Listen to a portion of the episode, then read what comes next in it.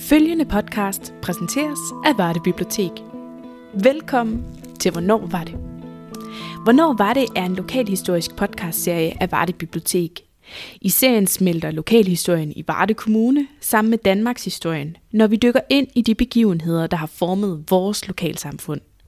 Vi fortæller de historier, der gemmer sig under tagene, i de små byer, i gaderne, i plantagerne og i klitterne – Kort sagt i hele Varde Kommune, fra Vejers til Agerbæk, fra Ølgod til Blåvand.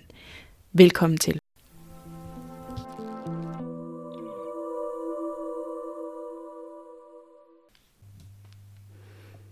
Episode 14. Da gaderne flød med affald.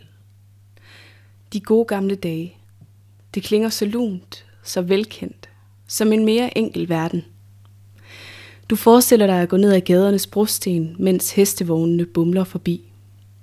Du ser bunden, der kommer trækkende med en ko, der skal på markedet, mens et par børn løber om kap forbi dig. Du kan høre latter inden for en baggård, hvor et par koner hænger vasketøj op. Men der er helt sikkert noget, du har glemt i din lysende, nostalgiske fortælling. Stanken. Stanken fra de åbne kloakker, skraldet, der ryger ud af køkkenvinduet, mødingerne inde i baggårdene, latrinerne i sommervarmen, efterladenskaber efter heste, køer og grise, der flyder i gaderne. I dag har vi et velfungerende renovationssystem, som håndterer både vores affald og vores spildevand.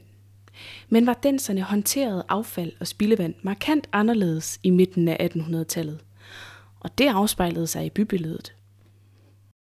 Jamen altså, øh, hvis du tager sådan noget som øh, af almindelig skrammel.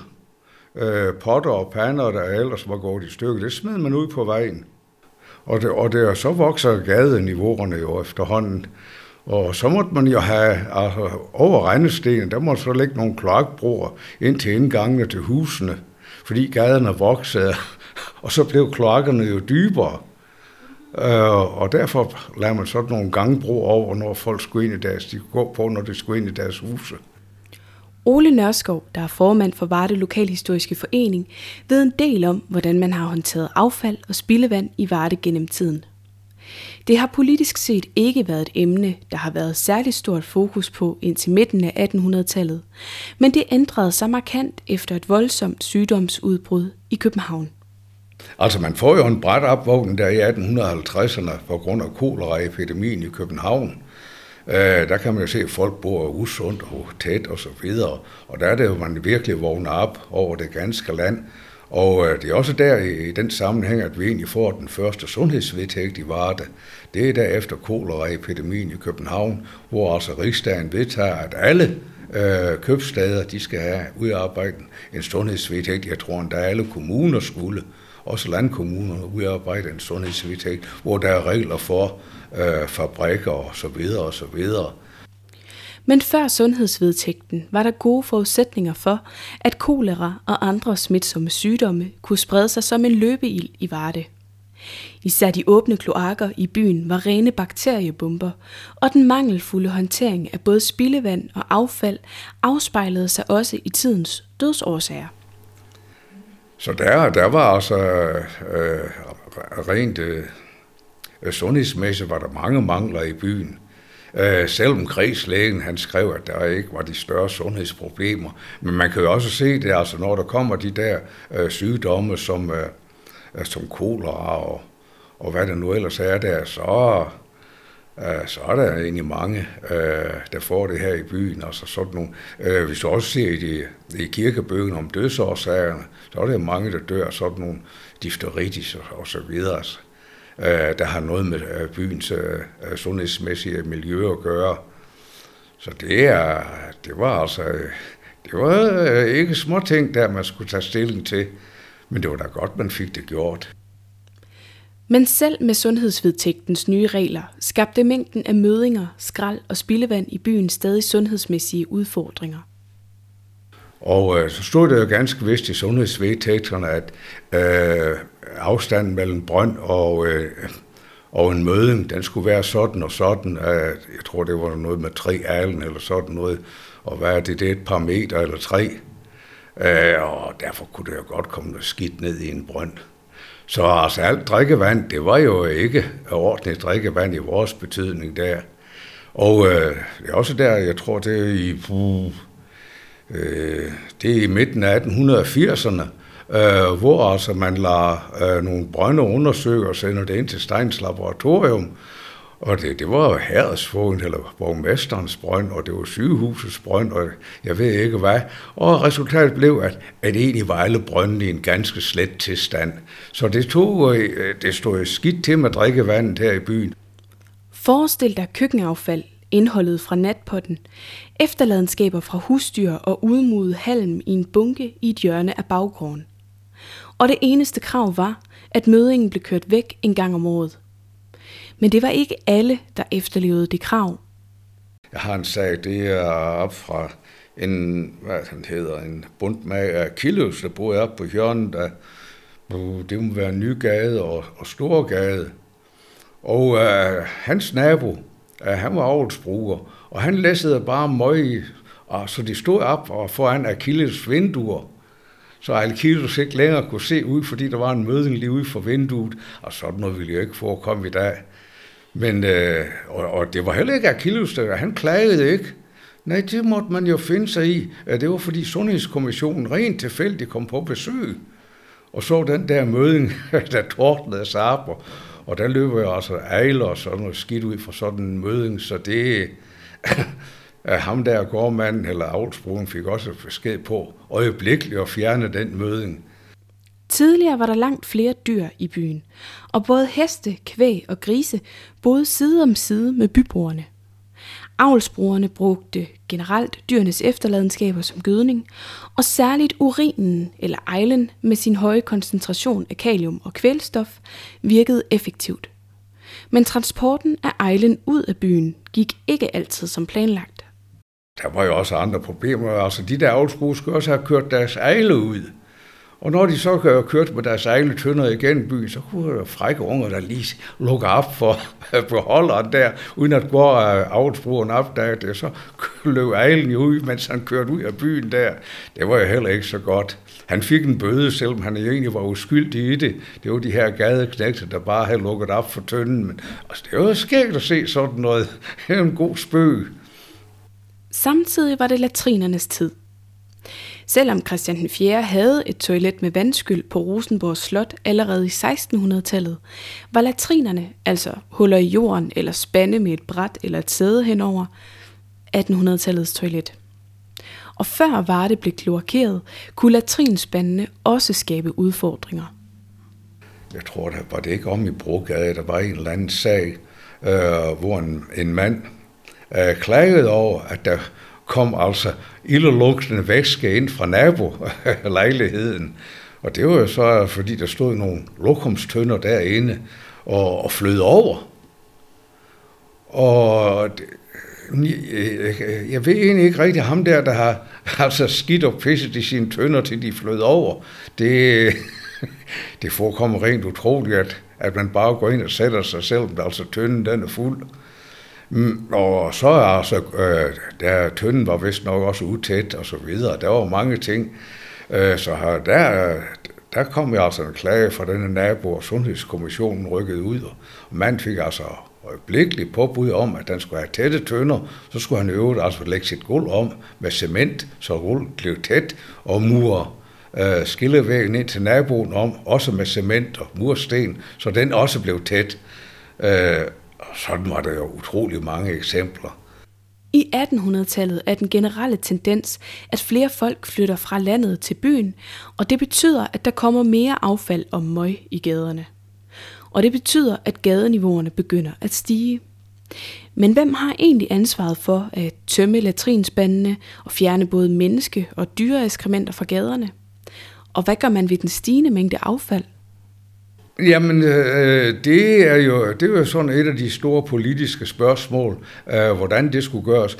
I øh, begyndelsen af, der er det folk selv, der skal sørge for det, altså enten lege en, en vognmand eller en avlsbruger til at køre det ud, men øh, øh, ellers er det jo folk selv, der skal skaffe det af vejen. Men øh, jeg kan ikke engang huske det, men jeg mener, det er op i 20'erne, så er det altså kommunen, øh, der hyrer øh, nogle vognmænd til at køre det ud. Øh, underforstået, at de skal køres ud i tætte vogne. Øh, det er pålagt vognmændene, de må ikke spille sådan noget, når de kører ud øh, med det skidt der. Men øh, øh, dagrenovation, det, det var jo øh, et problem der med, at folk gik og smed. Det var på gader og veje og så videre, ikke? Øh, man manglede simpelthen en skrammelplads, øh, kan, kan vi godt sige.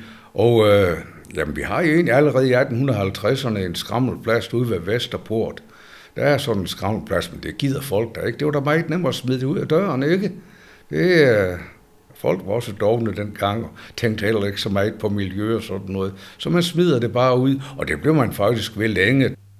Det var først efter midnat, latrinerne blev tømt, for at stanken skulle være til mindst mulig gene for byens borgere. Derfor hed håndteringen af latriner natrenovation. Køkkenaffald og andet affald gik under dagrenovation, fordi man kunne håndtere det i dagtimerne. Og det var altså først i 1920'erne, at det blev et kommunalt anlæggende at tage sig af natrenovationen. Dagrenovationen fulgte 10 år senere. Det er jo altså ordningen der, der kommer, det er i slutningen af 1930'erne. Øh, der kommer en ordning der med skraldespande og så videre, øh, som kommunen, det er endda vist nok kommunen, der betaler det, men folk skal selvfølgelig betale det for at få det kørt væk. Og der var også regler for, hvordan det skulle være og så videre, hvor store de skulle være. Det var en nogle tunge nogen at løfte op. Så vidt jeg husker, måtte de opholde, øh, indholde ind, ind til 100 liter. Så det er jo sørme altså øh, hårdt for skraldemanden at læse dem op på en vogn. Der sker flere fornyelser i byen omkring år 1900. Man får et offentligt vandværk i 1906, så drikkevandskvaliteten bliver bedre.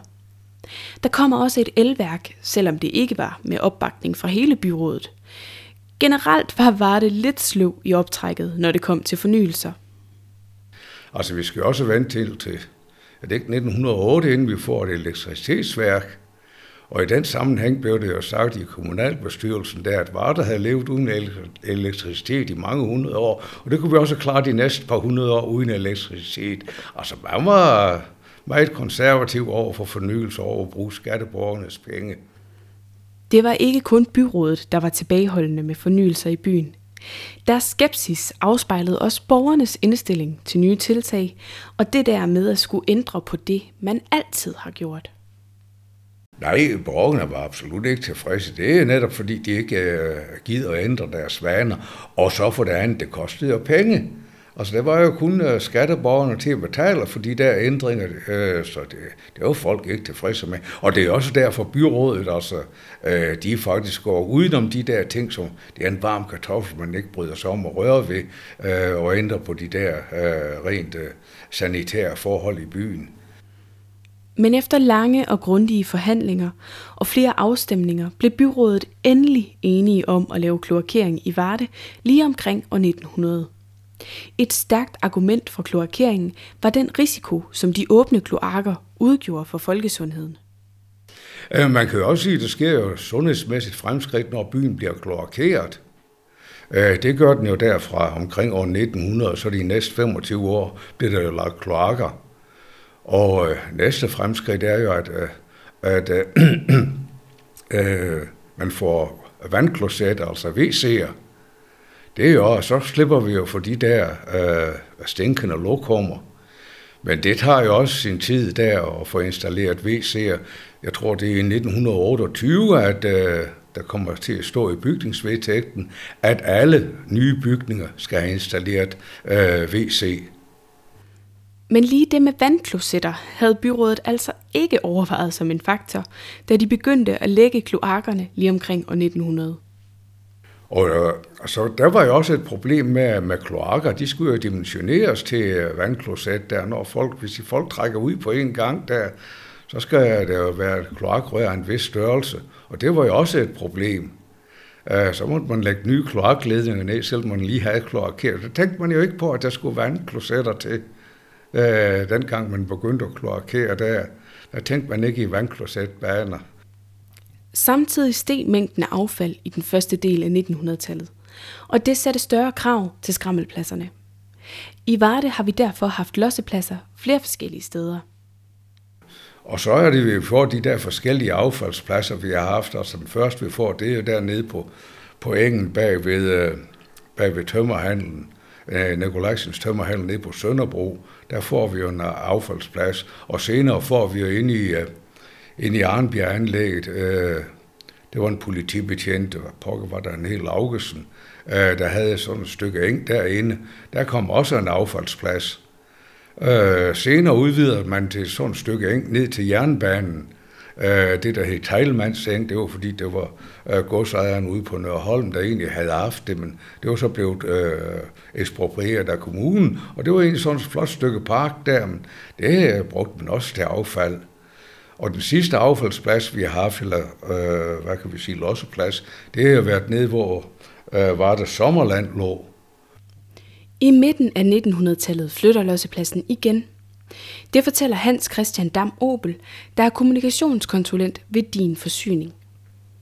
Omkring øh, 50'erne, der flyttede den øh, fra Varde Sommerland og ned til øh, en plads ned på Lerpytvej, hvor der i dag ligger en, øh, en blå kors genbrugsbutik.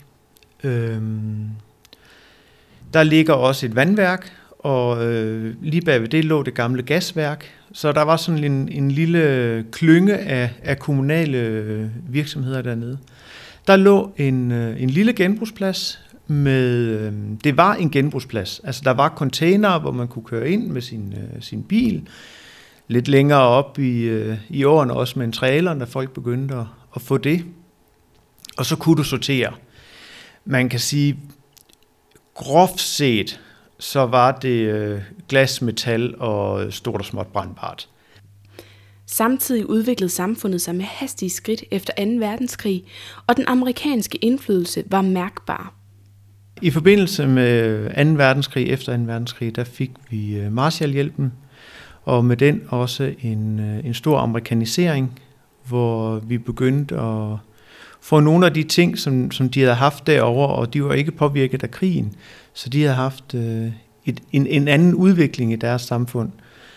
Og øh, det medførte blandt andet supermarkeder, øh, stille og roligt fik deres indtog, og, og med supermarkedet også meget mere emballage, for eksempel, øh, som betød meget mere affald. Dog var der områder, hvor Varde hældede bagud i forhold til samfundets hastige udvikling. Affald var nemlig stadig ikke populært på den politiske dagsorden. Men jeg kan se, at vi skal helt op i midten af 60'erne, før der faktisk kom en regulær skraldebil i Varde. Øh, op til da har man stadigvæk hentet på hestevogn.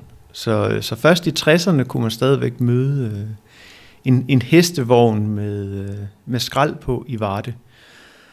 Og der var skraldebilerne altså vidt udbredt rundt omkring i Danmark, så det er måske også et, et tegn på, hvor meget affald fyldte politisk i det her øh, tidsrum fra efterkrigstiden og, og et godt stykke op i, i 70'erne. Der var ikke stor fokus på, øh, på affald, øh, og dermed heller ikke på skraldemændenes arbejdsvilkår. Der var rigtig mange skraldemænd, der blev slidt op af dårlige løft, øh, knæproblemer, skulderproblemer og den slags rygproblemer. Men op igennem 1970'erne kommer der et større fokus på spørgsmålet om, hvad vi skal gøre ved den voksne mængde affald. Samtidig vokser fokus på at passe bedre på miljøet og vores naturressourcer. Der kommer flere og flere regler og love for genanvendelse, og i 1990'erne kan genbrugspladsen på Lerpøtvej ikke leve op til de mange krav. I løbet af 90'erne kan pladsen ikke længere leve op til, øh, til de krav, der er til en plads. Så man bygger en øh, ny og super moderne genbrugsplads ude ved siden af rensningsanlægget, som ligger ude på Nordre Boulevard.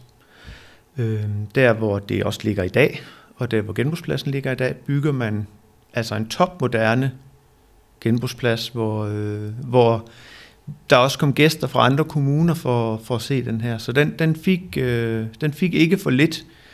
Og der blev også lovet, øh, at der skulle komme en rundkørsel ud på Nordre Boulevard øh, til at tage de trafikproblemer, der, der måtte komme.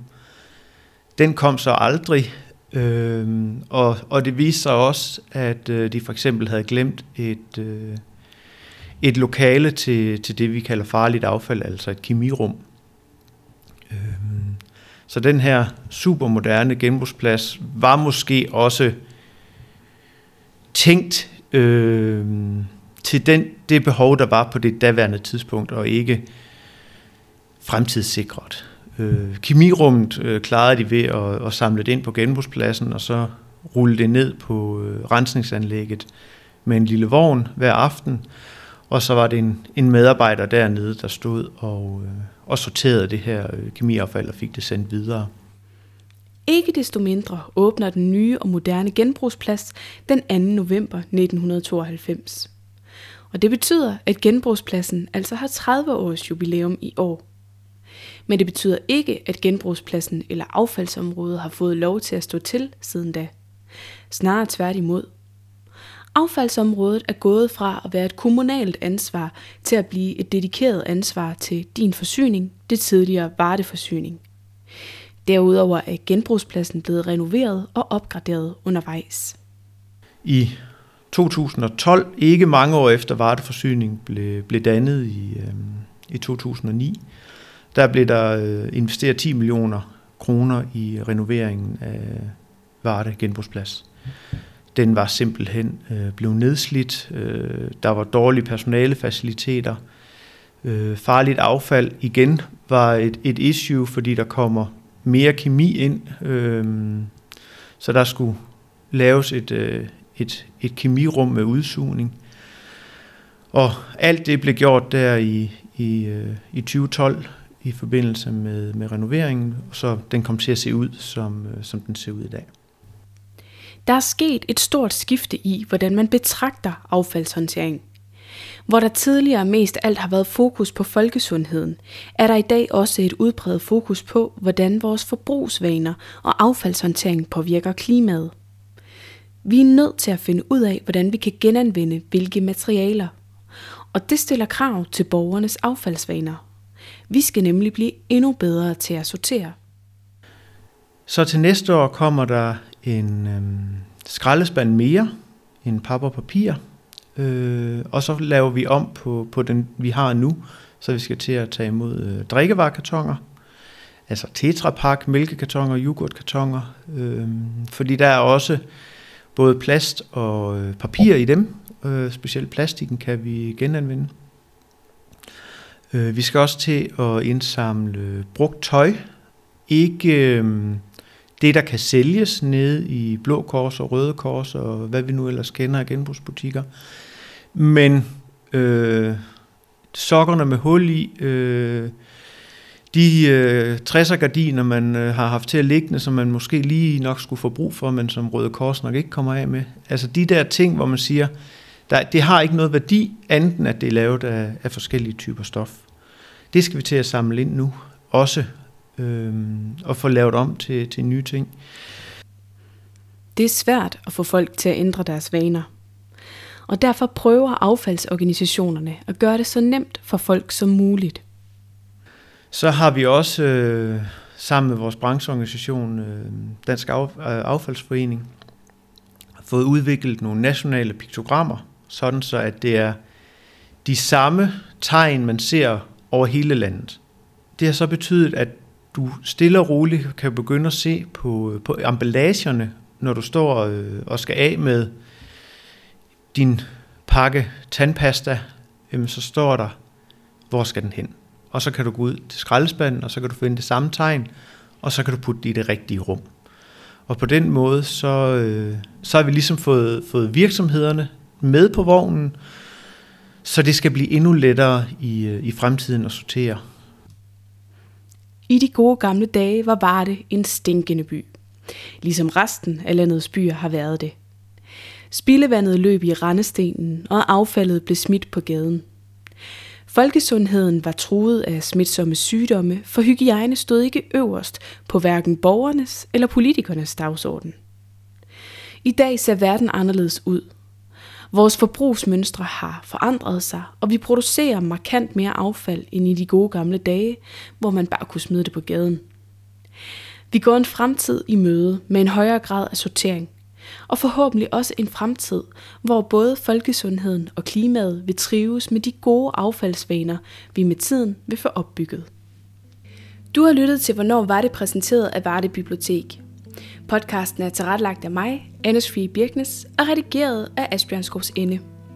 Musikken i podcasten er skrevet og indspillet af de dygtige talentelever fra Varde Musik- og Billedskole, Peter Schmidt, Sigurd Nilling, Liv T. Hansen og Sofie Lønborg. Stor tak til Ole Nørskov fra Varde Lokalhistoriske Forening og til Hans Christian Dam Obel fra Din Forsyning for at fortælle om affaldshåndtering i Varde fra 1850 og frem til i dag.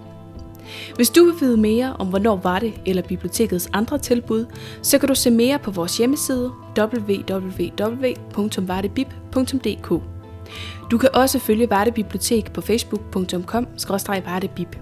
Vi opdaterer løbende om alle de mange spændende aktiviteter i Varde Kommunes biblioteker. Hvis du vil hjælpe andre med at finde podcasten, så giv gerne Hvornår var det stjerner eller anmeldelser. Der kommer nyt afsnit den første i hver måned. Har du ris, ros eller idéer til lokale historier, du gerne vil høre mere om, så kan du altid skrive til mig på abia Tak fordi du lyttede med.